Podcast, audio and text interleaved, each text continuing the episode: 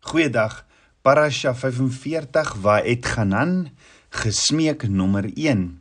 Die gedeeltes wat saam bestudeer word in die week is in Deuteronomium 3 vers 23 tot Deuteronomium 7 vers 1, in die Haftara Jesaja 40 vers 1 tot 26 en dan in die Brideshav Nuwe Testament Markus 12 vers 28 tot 34 en Matteus 23 vers 31 tot 39. Die 45ste lesing of parasha uit die Torah en die tweede lesing uit die boek Deuteronomium word Wa'et Ganan genoem wat beteken Bisau en in Afrikaans ek het gesmeek. Die titel kom uit die eerste vers van die week se parasha waar Moses in Deuteronomium 3 vers 23 tot 24 sê Ook het ek die Here in die tyd gesmeek en gesê Here Here, U het begin om U knegg U grootheid en U sterkte hand te laat sien. Want watter God is daar in die hemel en op die aarde wat sulke werke en sulke magtige dade kan doen soos U?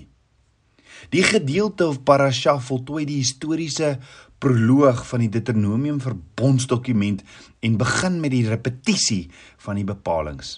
Deel van die repetisie is 'n herhaling van die 10 gebooie en die beroemde Shema gedeelte in Deuteronomium 6 vers 4 tot 9. So ons sien in die gedeelte of parasha wie het genaam die week in die Torah Deuteronomium 3 vers 23 Moses bekyk Kanaan van Pisga af. Deuteronomium 4 vers 1 is Shema leefstyl van hoor en doen. Deuteronomium 4 vers 41 'n toevlugsoorde toevlugsoorde oos van die Jordaan. Deuteronomium 5 vers 1 die 10 gebooie, vers 22 Moses die middelaar van Abba Vader se wil. Deuteronomium 6 vers 1 die groot gebod, die Shema. Deuteronomium 6 vers 10 let op teen ongehoorsaamheid en Deuteronomium 7 vers 1 'n uitverkore volk. In die Haftara sien ons in Jesaja 40 vers 1 tot 26 berei die weg vir die wederkoms.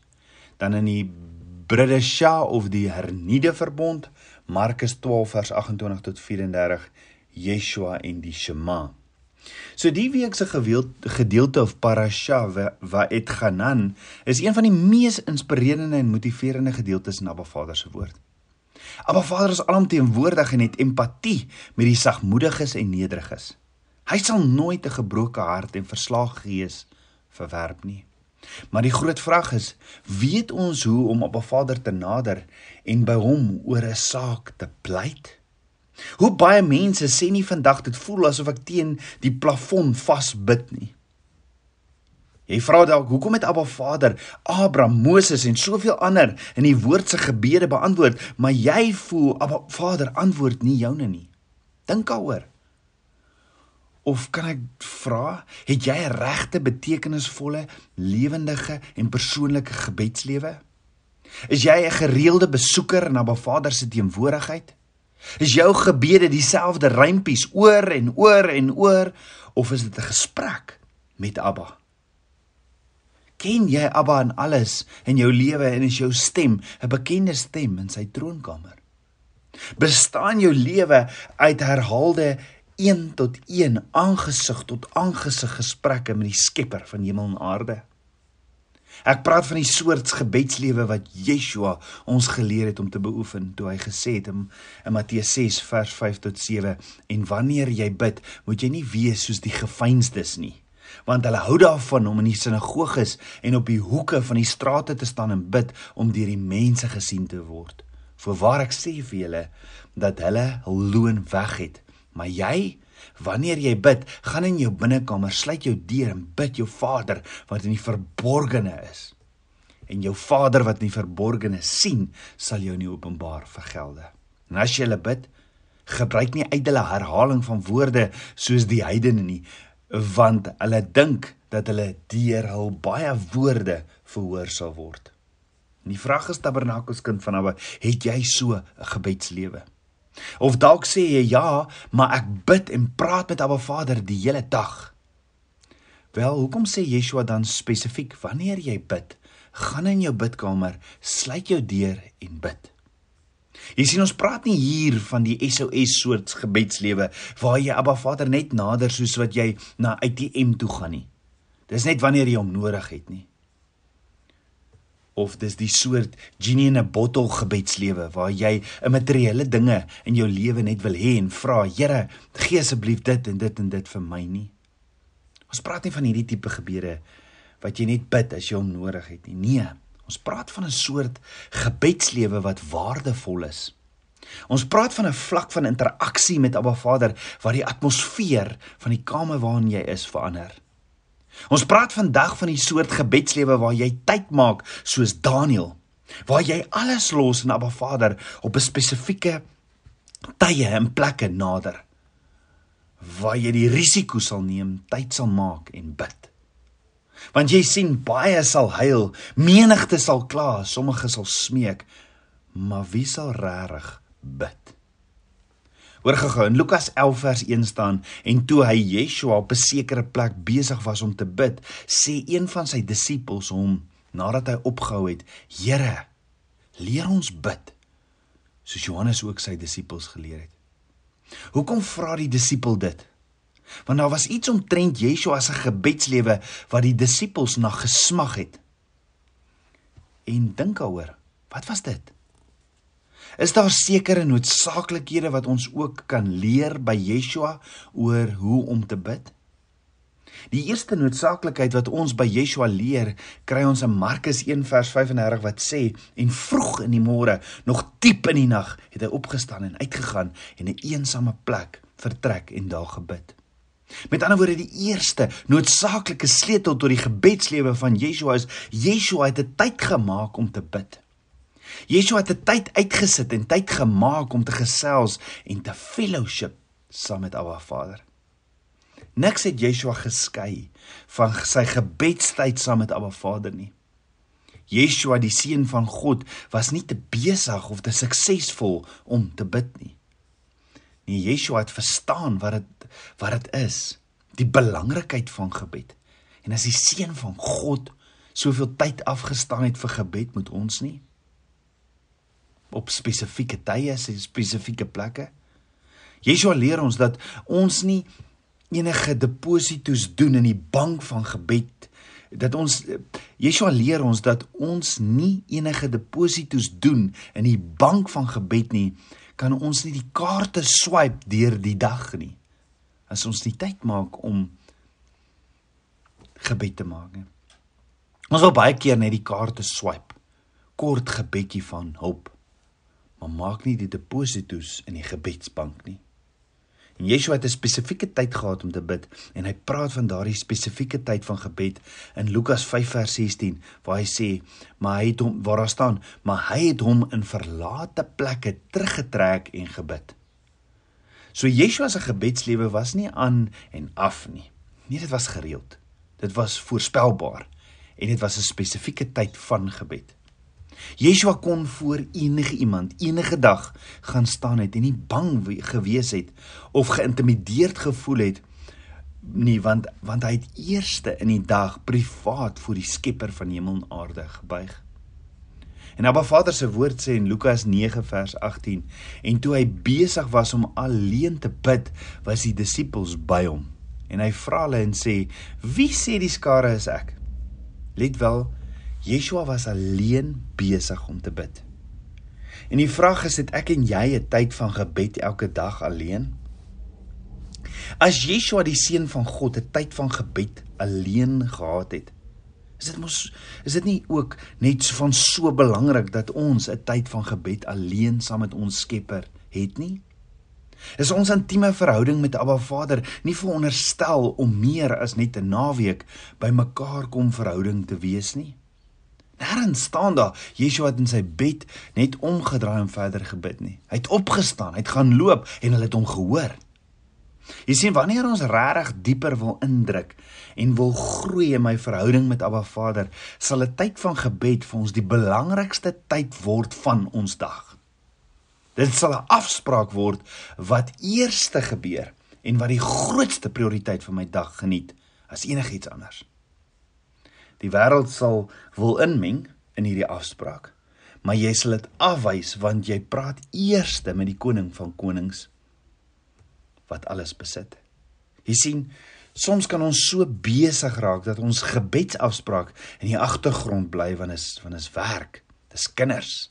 Dis kerk en is dis so gejaag dat ons vlam vir gebed begin uitbrand het en dan wil ons dan wil ons sommer net so in die verbygaan bid en het ons nie eers 'n spesifieke tyd waar ons stil word nie. En wat as Abba Vader vandag vir jou sê, ek ek kom elke oggend na jou plek van gebed toe en en wag vir jou sodat ek met jou kan deel wat ek vir jou beplan vandag, maar my kind, jy's net te besig vir my. Jy het 'n afspraak met my en ek is daar en ek wag vir jou, my kind. Ek roep jou na na na hierdie plekkie toe van gebed toe. Ek ek wag vir jou. Jy sien, ek en jy het 'n afspraak daagliks met die God van die heelal en die vraag is, kom ons die afspraak na? Hierdie tyd van gebed, hierdie afspraak met Abba Vader is 'n tyd wat niks en niemand onderbreek nie. Nie e-mails, WhatsApp, Facebook en al die dinge wat so maklik tyd steel nie. Dit word eenkant gesind want nou is die tyd vir my afspraak met Abba.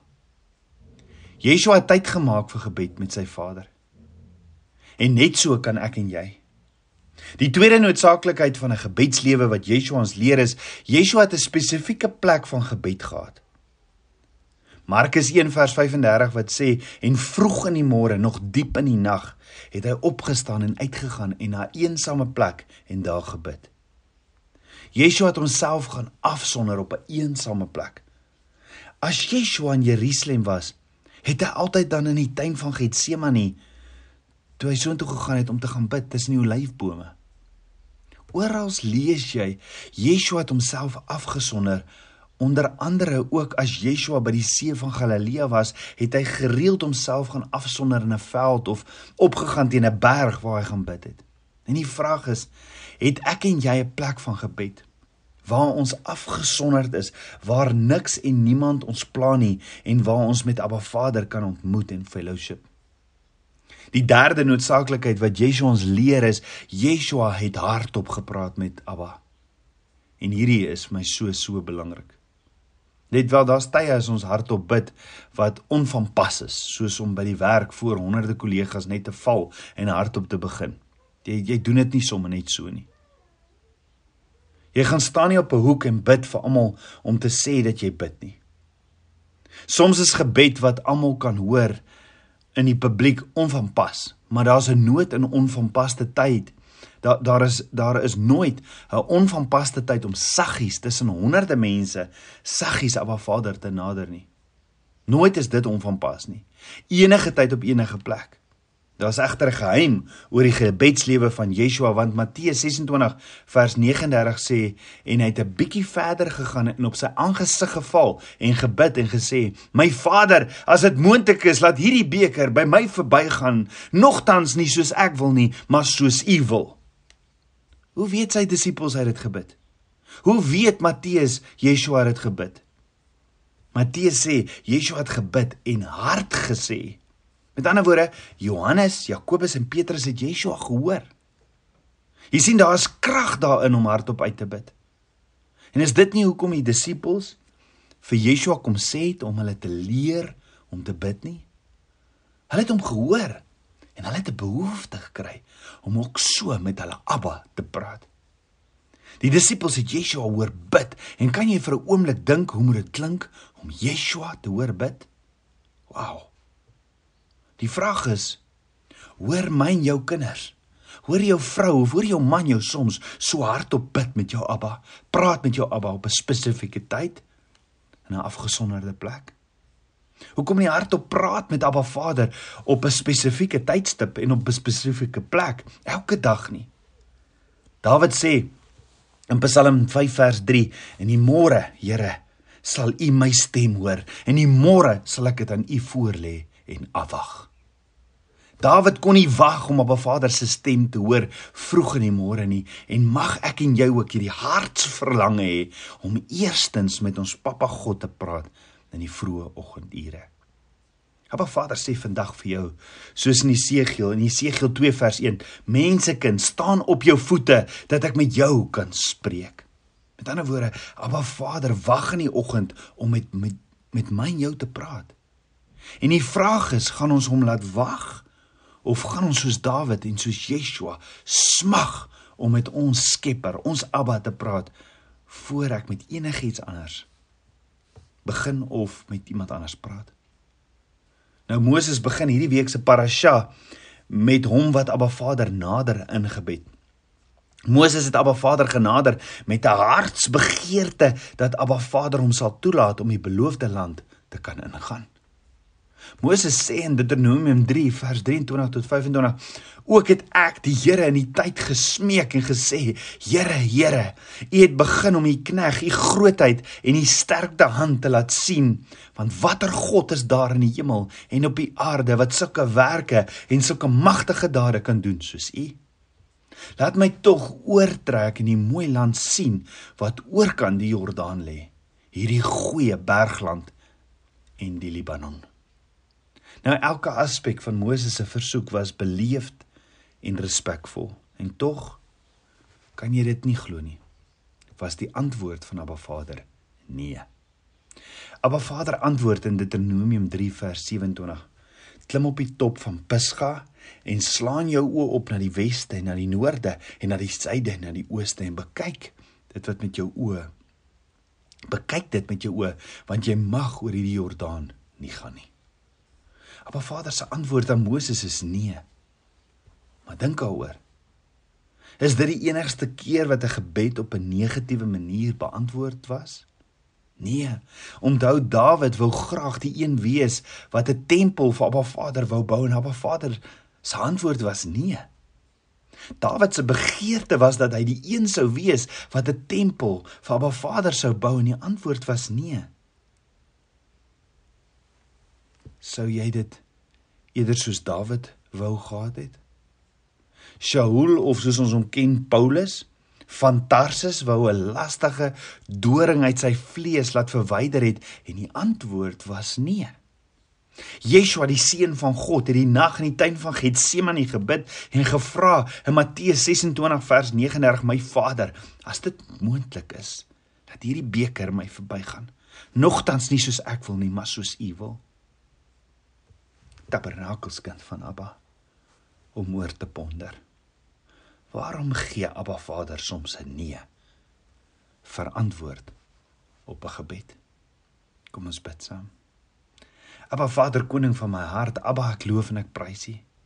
Vader, dankie, dankie dat U my so liefhet, dat U nie in die oggend dat U nie in die oggend as ek wakker word, nie dat U nie kan wag om my stem te hoor nie. Abba, dankie dat ek met U kan praat soos Abraham en Moses en dat U 'n God is wat met my wil praat.